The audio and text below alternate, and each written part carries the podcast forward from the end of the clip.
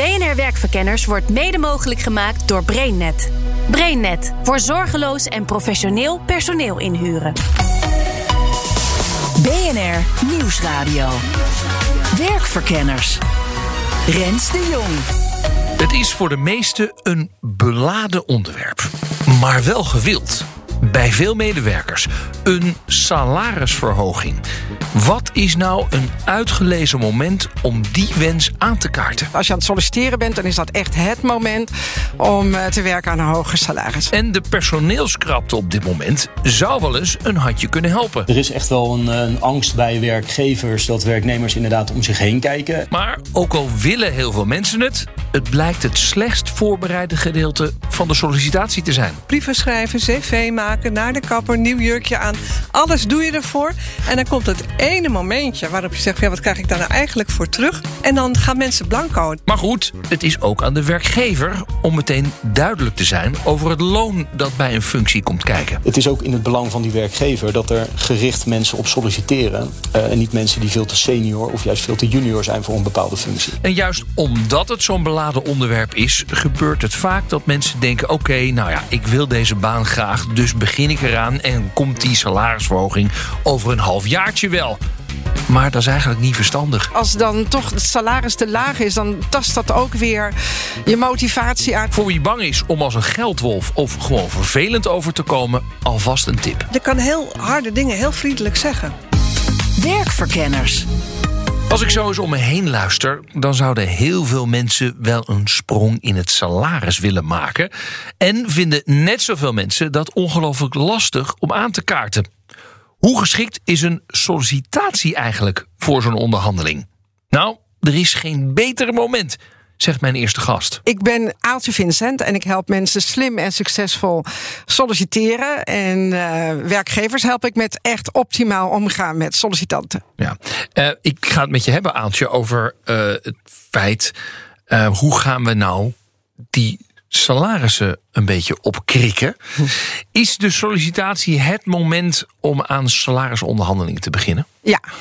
Ja. ja, absoluut. Want je wilt altijd uh, als je solliciteert, heb je hoop op een beter leven. Mm -hmm. En voor velen is dat ook een beter salaris. Kunnen ook andere dingen zijn. Mensen zien het ook vaak, hè? Een switch bij een, naar een ander bedrijf toe. Dat is het moment om ook een sprong te maken. Zo ja, noemen we dat toch? Zeker eens. Ja, dan maak je echt een sprong. En dat is het moment om ook echt heel goed te onderhandelen. Het moment vast te pakken en je daar uitstekend voor te bereiden. Ja, dat is dan de vraag. Wat moet ik van tevoren al weten? Nou, je moet absoluut weten wat je zelf waard bent. Dus uh, ja, wat in mijn ervaring is iedereen veel meer waard dan dat hij zelf kan bedenken. Iedereen is uh, uh, onbewust bekwaam. Dus mijn advies is altijd: bespreek je hele werkervaring door met iemand anders die maar blijft doorvragen, doorvragen, doorvragen. Waardoor je echt bewust wordt: oh, dat heb ik gedaan en dat heb ik gedaan en dat. Van tevoren, en dat begrijp ik. Van tevoren. Ja, ja. En dat doet iets met je zelfbeeld, je zelfvertrouwen en vervolgens ook met de zelfverzekerdheid. Waarmee je dan ook de salarisonderhandelingen ingaat. Dat is uh, punt één dat je voorbereidt. En vervolgens ga je ook natuurlijk uh, onderzoek doen. Hoe wordt dit werk in de markt gewaardeerd? Mm -hmm. En vervolgens ga je ook echt vragen aan iemand die dat werk nu al doet. Als je nu mijn cv ziet, inclusief je onbewuste bekwaamheden. En deze vacature, waarover ik nu in gesprek ben, deze functie. Wat vind jij dan wat ik moet verdienen? Oh ja, en, en, waarom weet diegene dat dan? Omdat hij zelf dat werk al doet. Dus Ja, je vraagt het aan de mensen die het werk nu al doen. Hoe wordt deze eh, functie gewaardeerd? Ja. En wat vind jij dat ik moet verdienen, bruto? Oeh. Is wel, wel confronterend, toch? Of niet? Dat Ja, dat is zeker confronteren. Maar in solliciteren is het überhaupt heel erg slim om altijd te praten met de mensen die het werk nu al doen. Dat maakt je op alle fronten een betere sollicitant. Maar dus ook in de salarisonderhandelingen. Ja. En dan, ehm, dan ga ik dat sollicitatiegesprek in. Ja. Stel je voor, het is niet helemaal duidelijk in de vacaturetekst wat je gaat verdienen. Ah, Soms staat het erbij, ja, er staat het erbij marktconform. De grote vraag is, eh, wat vinden wij marktconform en hoe schalen we deze functie in? Moet ik dit al in het eerste gesprek neerleggen? Nee, als het belangrijk voor je is om een indicatie te hebben eh, van wat zij verstaan onder marktconform, dan bel je voordat je solliciteert. Oh, Dus ook al staat het dan niet in de vacaturetekst, als het voor jou belangrijk is, dan vraag je het van tevoren. En dan zeg je, nou, wat is de schaal waarin deze functie nu gewaardeerd wordt door jullie? En vervolgens ga je dan, als je wordt uitgenodigd, eerste gesprek in. Dan ga je ook voor jezelf kijken, is dit de plek waar ik mijzelf uh, zie werken, waarin ik mijzelf kan ontplooien?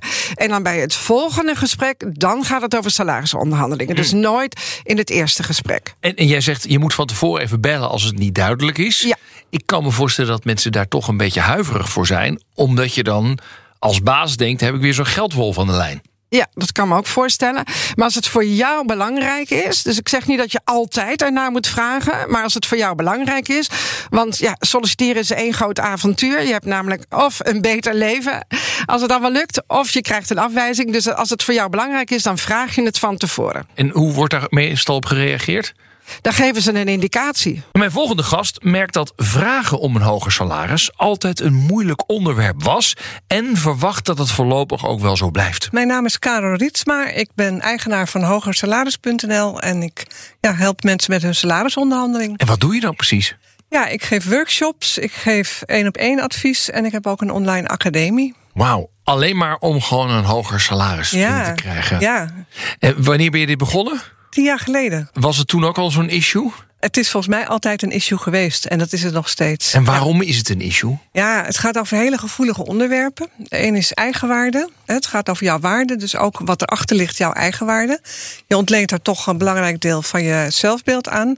En het andere is geld, ook ingewikkeld. Ja. Dus die twee komen samen hierin. Waarom is dit zo'n taboe? Ik denk dat heel veel mensen eh, bezorgd zijn dat ze de baan kwijtraken. Hè. Dus dat als ze te veel vragen, eh, dat ze die, eh, ja, dat die, die, werkgever zegt, nou dan ga ik wel naar een ander, nummer twee. Doen ze natuurlijk niet zo snel, hè, want als je eenmaal nummer één hebt, dan wil je ook nummer één. En de andere kant is dat als je bijvoorbeeld op je huidige werk zegt, van, nou ik wil toch, ik, heb gemerkt dat mijn salaris hoger zou moeten zijn, ik ga in gesprek. En dan zegt die werkgever van ja, dan, eh, nou we doen het een beetje of niet. En dan zegt ze iemand, ja, maar dan moet ik weg. En dat wil ik niet. Ja. Nou, tussen hoop en vrees zit het bij de meeste mensen in. En gewoon een gebrek aan instrumenten, vaardigheden, ja. kennis. Hoeveel, hoeveel cursisten heb je de afgelopen tien jaar al langs gehad? Oh, hemel. Ja, dat zal met workshops één op eens eh, online. Ja, van alles. Duizend, ja. Ja? Duizend, nou, meer dan duizend, ja, Ja. zeker. Ja. En hoeveel, hoeveel rendement halen die mensen daar nou uit? ja, nou, tussen de 10 en 25 procent gemiddeld. Zo. Ja, zowel bij nieuwe werkgever als eh, huidige. Het record ligt zelfs op 67. Zo zeg. Ja, dat was krankzinnig. Maar goed, het was wel iemand met een eh, opleiding erbij inmiddels. En eh, maakte echt een hele mooie overstap. En ja, je hebt geen idee wat er mogelijk is. Ja, Echt. Grappig dat. Ja. Is een nieuwe baan een goed moment voor een salarissprong? uiteraard. ja. Is het het moment? Nou, tot mijn eigen verbazing is het eh, vrij snel gebleken in de afgelopen tien jaar dat je ook bij huidige werkgevers die percentages haalt. Maar het is natuurlijk wel zo dat als je een achterstand hebt, hè, dus opgelopen omdat je al wat langer bij die werkgevers zit, er is geen CAO, eh ze geven elk, elk jaar 3%, dan denk je, nou dat is best leuk. Maar ja, als de inflatie eraf gaat, dan ben je er natuurlijk helemaal niet. Dan ga je achteruit. Dus eh, mijn bevinding is dat mensen meestal wel wat achterstand oplopen. En als je naar een nieuwe werkgever gaat, is dat natuurlijk een één klap in te halen. Ja. Plus natuurlijk een beetje extra voor de nieuwe functie.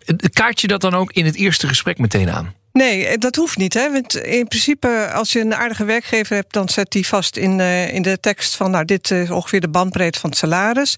Als je daar twijfels over hebt, zou ik van tevoren eventjes bellen. Ben je aan het einde van het gesprek eh, op een punt dat je denkt, nou, ik voel me best stevig hierin, ik hoef deze baan niet, het zou leuk zijn, maar het hangt niet, eh, het hangt niet heel van, van af, dan kan je het op tafel leggen. Het punt is dat als je het eenmaal vraagt, dan ligt die bandbreedte op tafel en dan is het veel moeilijker om eruit te manoeuvreren. En volgens mijn laatste gast is het vrij bepalend hoe je ergens binnenkomt. Mijn naam is Jan Koorneef. Ik ben senior manager bij Robert Half. Dat betekent in de praktijk dat ik verantwoordelijk ben voor het wel en het wee eh, van het kantoor van Robert Half in Amsterdam. En Robert Half is een recruitmentbedrijf gespecialiseerd in het bemiddelen van financials en kantoorondersteunend personeel. Jullie hebben net onderzoek gedaan naar de zorgen van eh, Nederlandse werkgevers. Vertel eens. Wij brengen jaarlijks een uh, salarisgids uit. Dus de salarisgids van 2022 is zojuist uitgekomen. Dat geeft eigenlijk een indruk van de trends in de markt. Uh, en ook de beloning die daar tegenover moet staan voor werknemers om die binnen te houden en binnen te halen. Uh, en er komen inderdaad een aantal trends uit. En dat merken wij ook dagelijks in de, in de markt bij de bemiddeling. Is dat uh, ja, de werknemer wel echt aan zet is op dit moment. Als je nou vanuit die solliciterende werknemer kijkt, hè, wanneer is dan het beste moment om over geld te beginnen in een sollicitatie? Nou, dat ligt er denk ik ook een beetje aan. Op het moment dat je als werkzoekende in een procedure bent via een recruitment agency, dan is dat vaak aan de voorkant al geregeld. Hoezo is het dan geregeld? Dan, dan is de prijs al bekend, begrijp ik. Ja, vaak wel. Of in ieder geval is een indicatie al gegeven. Uh, dus bij uh, de opdrachtgeverkant is natuurlijk opgevraagd van wat is het budget wat er voor de vacature beschikbaar is. En bij de werkzoekende kant is geïnventariseerd hoe het huidige pakket eruit ziet en wat de wensen zijn voor een vervolgstap. Maar omdat in ieder geval, als je specifiek toe wil spitsen op het salaris, omdat dat wel aan de voorkant besproken is, is die noodzaak er niet om in het eerste gesprek daarover te beginnen. Je merkt toch vaak dat op het moment dat een medewerker zelf gaat solliciteren, dat er een beetje een taboesfeer omhangt om in het eerste gesprek al te beginnen over het salaris. Ja. Is dat onverstandig? Om, of zou jij zeggen, nou, als je zelf solliciteert, mag je er best meteen over beginnen? Het is een beetje iets wat zichzelf ook in stand houdt. Enerzijds zien we dat werkgevers er op voorhand niet altijd even transparant over zijn wat de mogelijkheden zijn binnen een vacature. Er zijn nog steeds best veel werkgevers die bijvoorbeeld adverteren met een vacature waar niet duidelijk in staat hoe het mogelijke pakket eruit ziet of wat de bandbreedte is ja, dat roept natuurlijk wel vragen op bij een medewerker. Die daar dan vervolgens in een eerste gesprek over zou kunnen beginnen. Maar dat wordt dan weer als ja, onfatsoenlijk ervaren bij sommige bedrijven. Dus mijn advies zou eigenlijk zijn: haal het een beetje uit die taboesfeer. Wees er wat transparanter over. Op het moment dat je bijvoorbeeld in de vacaturetekst al aangeeft wat de mogelijkheden zijn binnen het pakket. Mm Is die noodzaak er ook niet zozeer om er in het eerste gesprek over te beginnen? Maar even, even stel je voor, het is niet duidelijk aangegeven. Is het dan logisch om er wel in het eerste gesprek daarover te beginnen? Of denk je nou, wacht maar tot het tweede gesprek, want dan willen ze je dus terug hebben. Dan is het wel logisch om daar eens even over te gaan praten. Nou, in het tweede gesprek zou ik er zeker wel over beginnen. In het eerste gesprek zou ik het eerlijk gezegd wel een beetje laten afhangen van het verloop van het gesprek en ook hoe je tot elkaar gekomen bent. Daarmee bedoel ik te zeggen van heb je inderdaad zelf gesolliciteerd? Ben je uitgenodigd door het bedrijf om eens te komen praten? Ook een beetje hoe het gesprek verloopt, hoe is je hm. klikt met je gesprekspartners.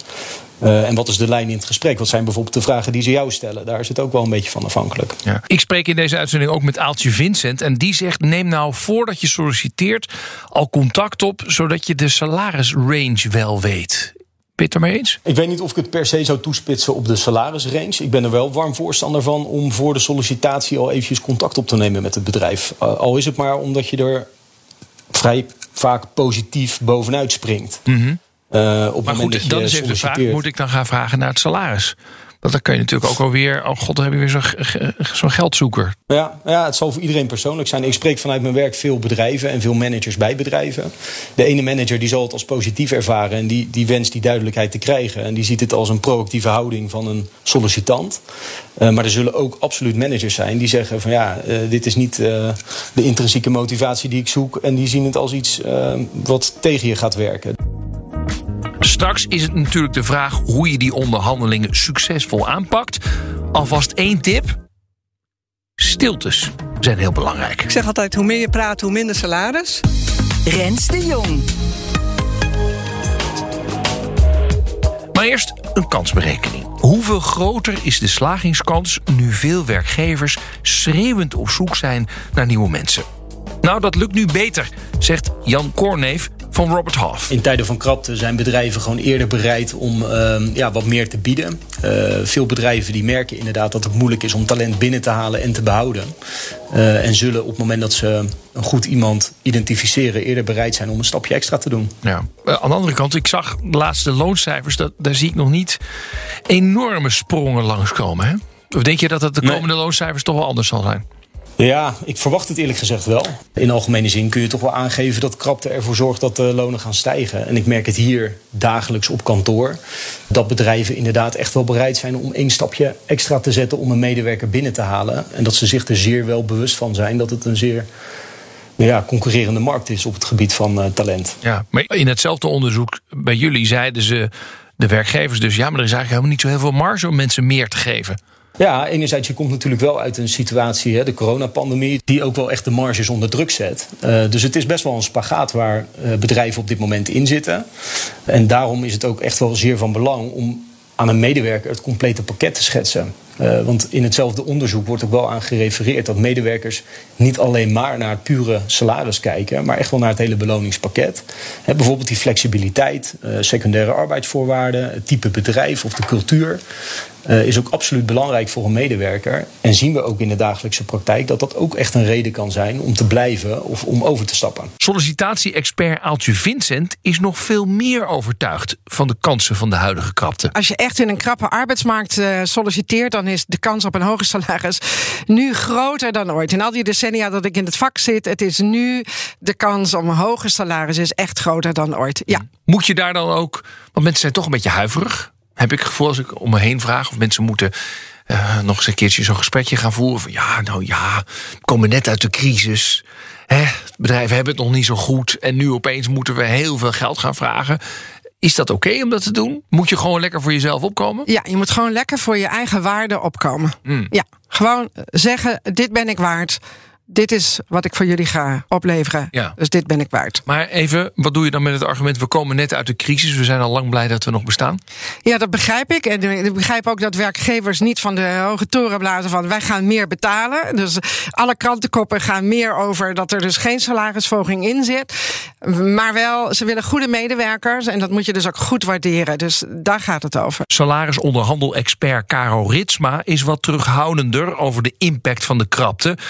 Al maakt dat haar bepaald niet pessimistisch over de mogelijkheden. Ik sluit het niet uit. Alleen heb ik wel gemerkt, ik ben tien jaar geleden begonnen. Toen zaten we toch ook niet in de allerbeste economische tijden. Een veel hogere werkloosheid. En toen kon je ook al heel goed onderhandelen. Het maakt eigenlijk niet zoveel uit, zeg je? Nou, eigenlijk niet, nee. Nee, nee. Nee, een waardevolle medewerker is een waardevolle medewerker. En de dreiging dat je uh, weggaat of de baan niet neemt, is altijd uh, heel effectief uh, ja. middel. Ik hoor in Robert Half was dat onderzoek. Ja. Negen van de tien werkgevers is bang dat werknemers weggaan. Mm -hmm. Maar ze zeggen er ook in, maar we hebben niet zo heel veel marge om ik zie jou al schouderophalend bij het woord marge. Hoezo?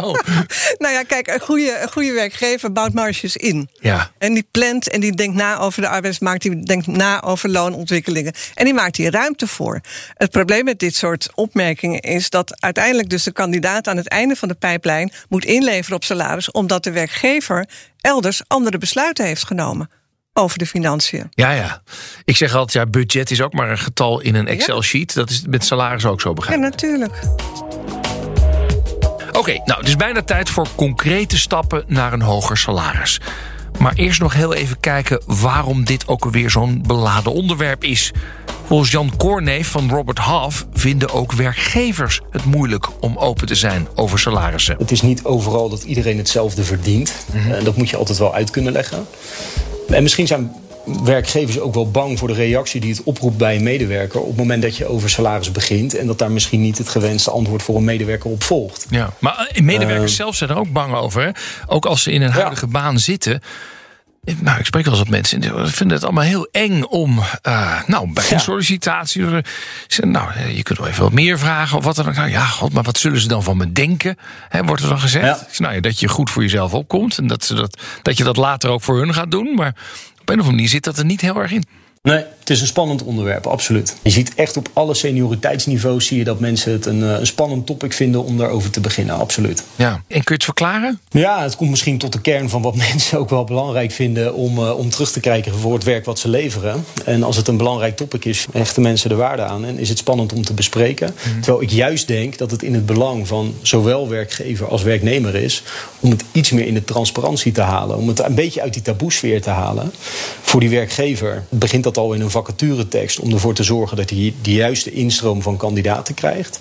Maar ook als een retentiemiddel naar medewerkers toe. Wees een beetje open over de mogelijkheden in een schaal van een bepaalde functie in een medewerker die, die je al hebt werken. Zodat die medewerker ook weet ja, wat op wat langere termijn uh, de mogelijkheden bij het bedrijf zijn. Uh, en voor die medewerker zelf ook natuurlijk. Want het komt best wel eens voor dat een medewerker zelf al gaat zoeken naar een nieuwe functie. zonder eigenlijk de mogelijkheden bij zijn huidige werk besproken te hebben. Ja. Uh, omdat het in de taboesfeer zit. En dat, dat is best zonde. Ja, dus weg met die taboesfeer. Aan Karel Ritsma van hogersalaris.nl de vraag. Van welke grote misvatting we nu meteen moeten afstappen. Het idee dat de, de werkgever het voor het zeggen heeft, hè, dat die de grote baas is in dit verhaal. Nou, ik neem ze altijd even mee naar de andere kant van de tafel, want ik ben HR-manager geweest en ik weet heel goed hoe het daar aan toe gaat. En ik weet dat die werkgever ook twijfels en onzekerheden kent en ook bezorgd is dat als deze kandidaat niet binnenkomt, ja, wat hebben we dan nog voor alternatief? Dus er zit veel meer druk achter dan die ander denkt, of jij als kandidaat denkt. En daar kan je heel veel ja. Doen. Dus dat is een beperkende overtuiging. De, de baas is altijd de baas. Wat is nog een andere beperkende overtuiging? Dat er niet te praten valt. Dat is eigenlijk de belangrijkste. Ja. Dus uh, je komt in zo'n gesprek, je zegt, nou, je krijgt een aanbod. Je zegt, nou, bedankt voor het aanbod. Ik was zelf op iets anders uitgekomen, namelijk dat. En dan zegt die ander tegenover jou, nee, dat doen we niet. En dan denk je, oké, okay, dan kan het niet. En die ander zegt er misschien nog wat bij. Ja, dat krijgen je collega's niet. Of dat geld hebben we niet. Allemaal van dat soort, ja, eigenlijk dingen waar jij helemaal niks voor hoeft op te lossen met jouw salaris. Nou, dan denkt iemand van ja, oké, okay, nou ja, als het niet kan, kan het. Jammer, zeggen ze dan soms ook. Of ik kon het toch proberen. Vind ik ook zo'n hele. denk, oh, het zonde. Maar goed, het is het begin, hè? En nee is het begin. En dan ga je in gesprek. Ja, ik weet nog een beperkende overtuiging drie. Mm -hmm. Ik wil niet worden gezien als een geldwolf. Oh ja, ja. ja die, uh, dat is een hele gevoelige. Door veel mensen gevreesd. En meestal komt dit argument, hè, dan zegt die HR-medewerker of die andere persoon die tegenover je zit, die zegt dan: uh, Ja, maar je, weet je, je moet er niet voor het geld willen komen. Daar gaat het niet om. Dat argument komt altijd pas op tafel als de rest niet werkt. Dat, dat is het eerste wat je kan constateren. En dan denk je van oké, okay, die persoon heeft dus kennelijk geen, uh, geen inhoud meer. En het is een nare opmerking, die kan onder je huid kruipen, je kan je van je stuk brengen. Dus wat ik aanraad om dan te zeggen is van nou, gelukkig niet, want ik vind het een hele leuke bedrijf, organisatie. Tegelijkertijd is een goed uh, marktconform salaris ook belangrijk voor jullie en voor mij. Hoe belangrijk is in dit hele proces stiltes laten vallen? Heel belangrijk, ja, heel goed. Ja, nee, stilte zijn goud waard. Leg het neer, zet een punt, hou je mond. Kijk wat er gebeurt. Ga die stilte niet opvullen. Als je daar moeite mee hebt, oefen ermee van tevoren. En laat gewoon een stilte bij de kassa vallen als je boodschappen doet. Je kan op heel veel dingen oefenen. Maar stiltes vallen is ontzettend belangrijk. Waarom? Ja. Omdat je anders de tijd vol gaat kletsen en onzin vertellen en stapels argumenten op tafel gooien en je, ja, het komt alleen maar zwakker over. Nog zo'n misverstand, zegt sollicitatietrainer Aaltje Vincent bij sollicitanten, is dat bij een functie via de CAO nou eenmaal een bepaald vaststaand salaris hoort. Dan zijn ze al blij dat ze zijn uitgenodigd en blij dat we tot de tweede ronde zijn. En dan, ja, uh, nou ja, dat salaris dat staat vast. Maar dat is dus niet zo. Er valt altijd over te onderhandelen. Ook als er wordt gezegd, ja, maar dit is de schaal en dit is de CAO en ik kan echt niet iets meer doen, et cetera. Ja, ook dan valt er over te onderhandelen. Ik heb ervaringen van mensen die zeggen, nou, de recruiter kon zelf tot twee stappen onderhandelen in die schaal.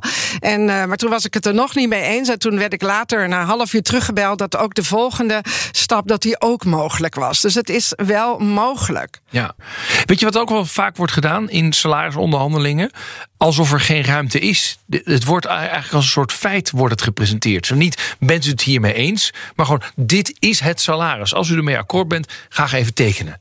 Is ja. dat een onderhandelingstactiek vanuit dat, de werkgever? Uh, ja, dan begint de onderhandeling. Dus ah. als zij zeggen van dit is het salaris, dan zeg je nou, ik had zelf iets anders in gedachten. En dan begint de onderhandeling. Maar grappig genoeg, heel veel mensen die denken dat dit het einde van de onderhandeling is. Ja, dan schrikken ze en dan deinzen ze terug. En dan denken ze: oké, okay, ik, uh, ik, ben al blij dat ik hier dit werk kan komen doen. Dus dan uh, ga ik over een half jaar wel onderhandelen of zo. Maar dat is juist het moment om toch te zeggen: ik had zelf iets anders in gedachten. Ja, ja. En ja. mensen denken: ik ga het wel over een half jaartje repareren. Die komen natuurlijk van koude kermis thuis. Ja, want dan begin je in dat werk. En dan de, je voelt ook elke dag weer wat je waard bent. En dan zie je dat weer aan het eind van de maand. Zie je dan wat er onderaan de streep overblijft. En dat het is ook niet motiverend. Dus je moet voor jezelf echt voelen: ik doe nu dit werk en ik word betaald naar wat ik waard ben. Ja. Een ander ding wat ik altijd lastig vind in onderhandelingen. Je hebt zo'n werkgever en die zegt, nou dit is het. Tekenen bij het kruisje. Mijn tegending is altijd om, uh, nou ik heb iets anders verwacht. Ja. Uh, dit. En niet te veel uit te leggen. Ja, Dus, dus je zegt gewoon, ik had iets anders. Precies Ik heb eh, iets wat jij verwacht. doet, Rens. Ik- Ik had iets anders verwacht. Dit is wat ik in gedacht. En dan laat je gewoon een stilte vallen. Precies. Ja. Heel veel mensen gaan dingen uit zitten leggen. Wat Ja. ik dit het. Ik vind dat zelf persoonlijk altijd een beetje zwak overkomen. Maar misschien zit ik verkeerd. Nee, ik ben het helemaal met jou eens. Laat gewoon een stilte vallen. Maar dat is ook reuze moeilijk om die te laten vallen. Maar dat doe je wel. Ja, en je moet bereid zijn, heb ik altijd geleerd bij onderhandelingen, om weg te lopen. Ja. Wat doe je als ze zeggen, ja, maar het zit er echt niet in? Dan zeg je, nou, dan eh, scheiden hier onze wegen. Ja, ja. Want dit is wat ik waard ben.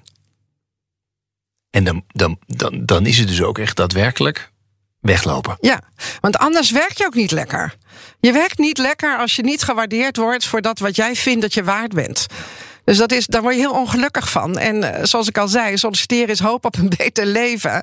Dus je wilt gewoon beter leven. Dus ook voelen dat je wordt betaald naar dat wat je waard bent in dat nieuwe werk. Conclusie van deze uitzending. Wie een sprong wil maken in salaris, kan dat het beste meteen bij de sollicitatie voor elkaar boksen. Of eigenlijk al voor de sollicitatie. Want dan moet je namelijk al informeren over welke salarisrange bij de functie hoort. En al zie je het niet meteen terug in wat werkgevers bieden, toch denken mijn gasten ja, de huidige krapte op de arbeidsmarkt kan je een duwtje in de goede richting geven. En dan is natuurlijk de vraag, hoe pak je dat nou aan? Nou, belangrijk is om de emotionele lading eraf te halen. Houd het zakelijk. En daarvoor is het belangrijk dat je goed weet wat je waard bent. En dat kun je gewoon voorbereiden. Voel je de neiging om emotioneel te gaan uitleggen om welke redenen je allemaal wel en niet een hoger salaris verdient? Niet doen. Laat gewoon een stilte vallen. Kun je ook oefenen, bijvoorbeeld met de kassa in de winkel. En gaat de werkgever op de emotionele toer? Door jou te zeggen dat je een geldwolf bent, weet dan dat dat voor hem of haar ook echt een noodgreep is. En val weer terug op tip 1. Blijf zakelijk en meld wat je waard bent. En ook nog eens een keertje een tip voor werkgevers. Wees meteen transparant over de beloning in je vacature. Dat scheelt heel veel teleurstelling bij de kandidaat, maar ook voor jezelf. Want dan reageren er waarschijnlijk veel minder te senioren of junioren kandidaten. Nou, dit was Werkverkenners voor deze week. Volgende week dan krijg je weer een verse op dinsdag om half vier. En in je podcast-app kun je hem op ieder moment terugluisteren. Tot de volgende keer. Dag. BNR Werkverkenners wordt mede mogelijk gemaakt door BrainNet. BrainNet voor zorgeloos en professioneel personeel inhuren.